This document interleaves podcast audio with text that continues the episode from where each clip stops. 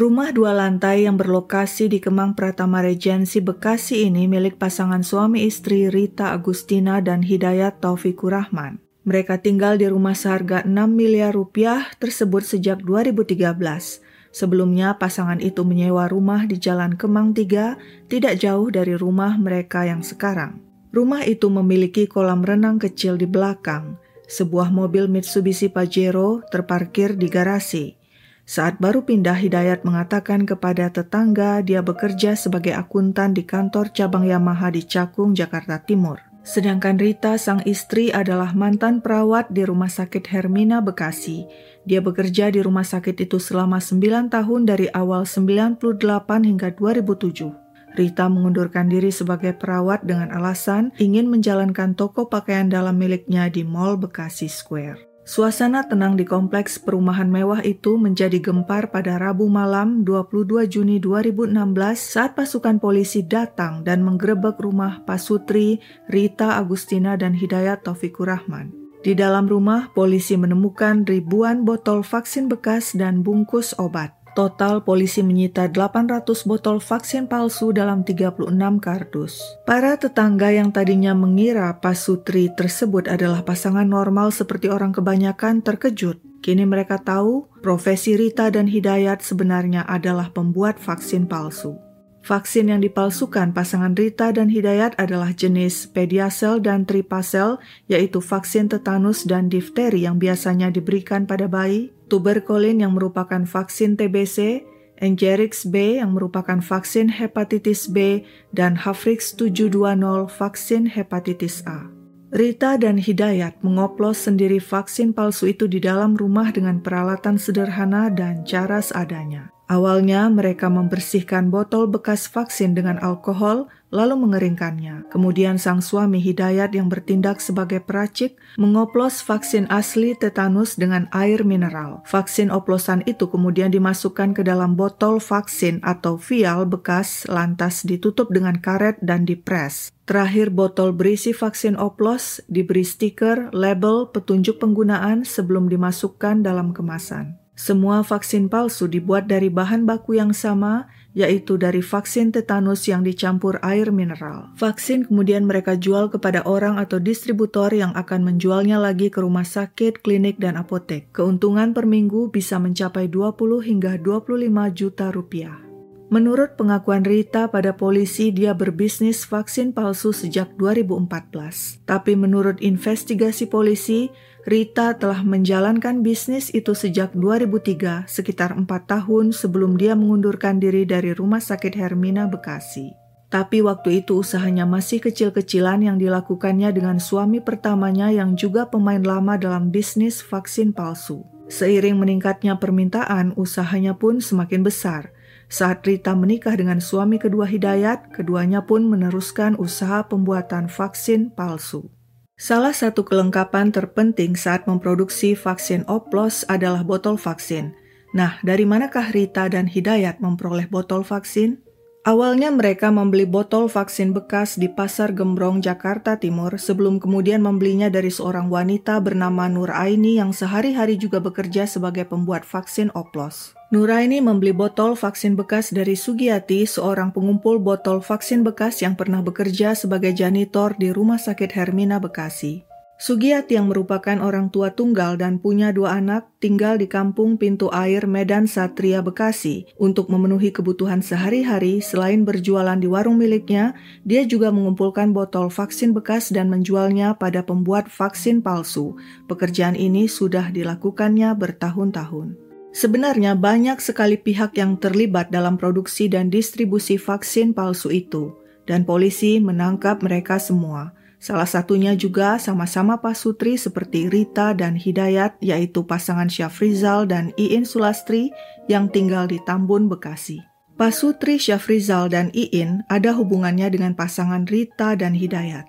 Mereka memproduksi dan mengedarkan vaksin palsu dari tahun 2010 hingga tertangkapnya mereka pada Juni 2016. Awalnya dari 2010 hingga 2016 mereka membeli vaksin palsu dari Rita dan Hidayat untuk dijual. Pembayaran dilakukan dengan cara tunai dan dilakukan Syafrizal saat janji bertemu di jalan dengan Rita. Tak cuma membeli vaksin palsu made in Rita dan Hidayat, sejak Juni 2015 hingga Juni 2016, Syafrizal dan Iin juga membeli vaksin palsu produksi Nuraini. Pembayaran dilakukan secara tunai atau lewat transfer bank.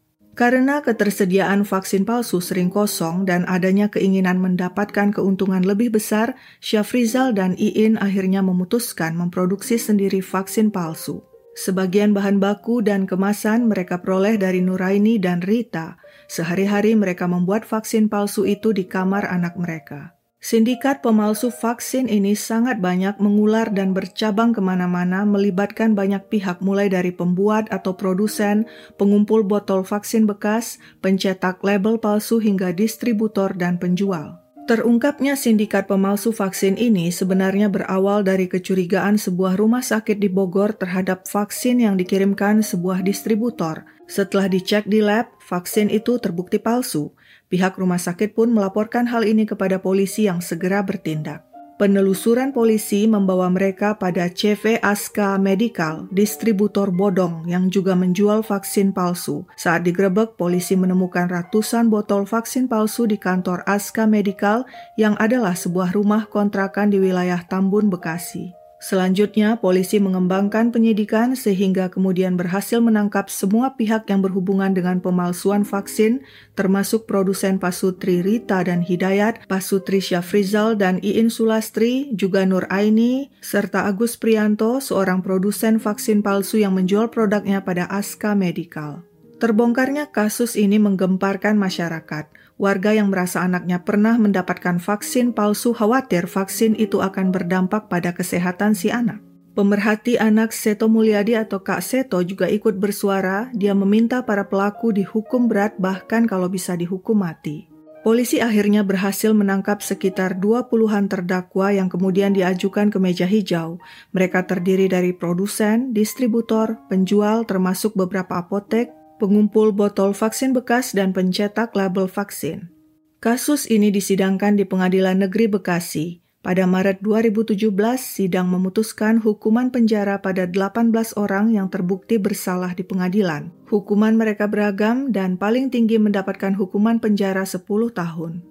Yang dianggap otak dari sindikat pemalsu ini adalah produsen atau pembuat vaksin palsu yang terdiri dari enam orang yaitu Pasutri Syafrizal dan Iin Sulastri, masing-masing dihukum 10 dan 8 tahun penjara.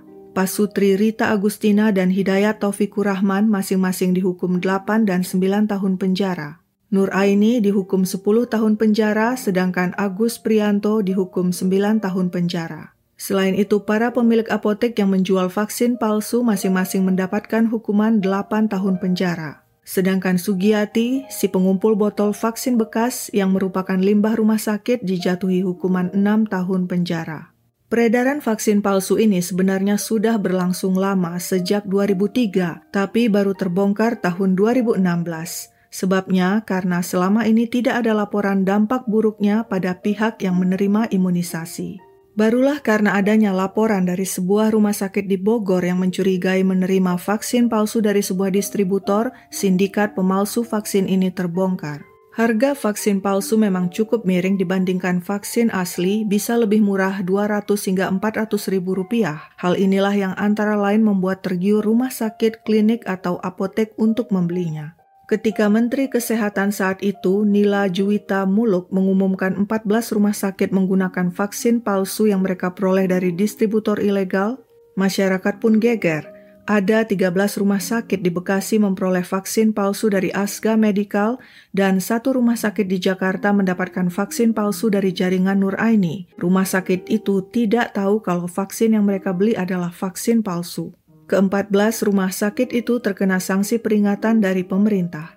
Menkes juga mengumumkan ada enam bidan menggunakan vaksin palsu, lima bidan praktek di Bekasi, dan satu orang di Jakarta. Selain itu juga ada dua klinik yang terbukti menggunakan vaksin palsu, satu klinik di Bekasi, dan satu lagi klinik di Jakarta Barat. Masyarakat yang terutama terdiri dari para orang tua yang anaknya pernah mendapatkan vaksin oplos berbondong-bondong menuntut rumah sakit yang diumumkan Menkes itu. Mereka merasa dirugikan secara moral dan material sebab telah membayar cukup mahal untuk sebuah vaksin oplos. Belum lagi dampaknya yang mereka khawatirkan pada kesehatan anak mereka. Nah, kembali kepada produsen vaksin oplos. Yang paling banyak dibahas media dan lengkap ditampilkan dengan foto-fotonya adalah pasangan Rita Agustina dan Hidayat Taufikur Rahman. Bolak-balik media menyorot hidup mereka yang terlihat mewah dengan rumah mahal dan mobil Pajero. Pasangan ini selain dijatuhi hukuman masing-masing 8 dan 9 tahun penjara serta denda 1,2 miliar dalam perkara pemalsuan vaksin, keduanya juga dijatuhi hukuman 4 bulan penjara dalam perkara tindak pidana pencucian uang hasil produksi vaksin oplos. Pengadilan menyita harta Rita dan Hidayat. Harta itu berbentuk rumah mewah di Kemang Pratama Regency, tiga kendaraan bermotor, dan dua bidang tanah di Tambun, Bekasi.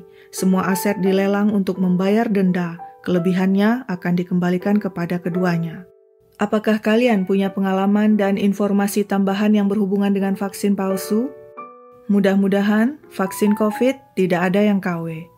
Sekian dulu ceritaku, sampai jumpa di cerita lain. Biasanya kan agak keruh kalau yang asli pasti yang palsu bening. Oke, agak keruh. Ya, yang asli. Kalau yang palsu bening.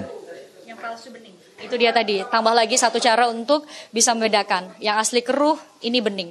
Oke, ada lagi kira-kira yang bisa uh, kami jadikan uh, ukuran untuk membedakan yang asli atau palsu? Ini paling kalau misalkan palsu, ini udah nggak gini. Ini udah ada bekas congkelan. Seperti bekas suntikan ya, jarum jarum suntik. Oke, Betul. ada lagi kalau dari kemasan? Kalau dari kemasan sama ya. Sama sekali tidak ada perbedaan. Ini paling ngebedain biasanya ini beda. Oke, kita tunjukkan. Apanya yang beda? Ini apa? Ini barcode-nya biasanya beda. Apa perbedaannya barcode-nya? Cetakan sama dari pabrik beda, so. pasti beda. Mhm. Tapi kalau secara awam saya bisa tidak bisa membedakan. Ini seperti apa kira-kira? Beda dengan yang aslinya? Ini kayaknya asli ya. Oke. Okay. Kalau yang palsu biasanya seperti apa, Mas Hate? Agak sedikit hitam. Lebih hitam dari biasanya, yang aslinya? Oke. Yang Ini pertanyaan terakhir Mas Hate. Setelah Anda produksi, biasanya Anda mendistribusikannya seperti apa? Uh, ada yang ngambil, dan saya tidak tahu dijual ke mana itu. Jadi putus di Anda, Anda produksi, kemudian ada yang membeli sebagai distributor, setelah itu Anda tidak tahu lagi? Betul.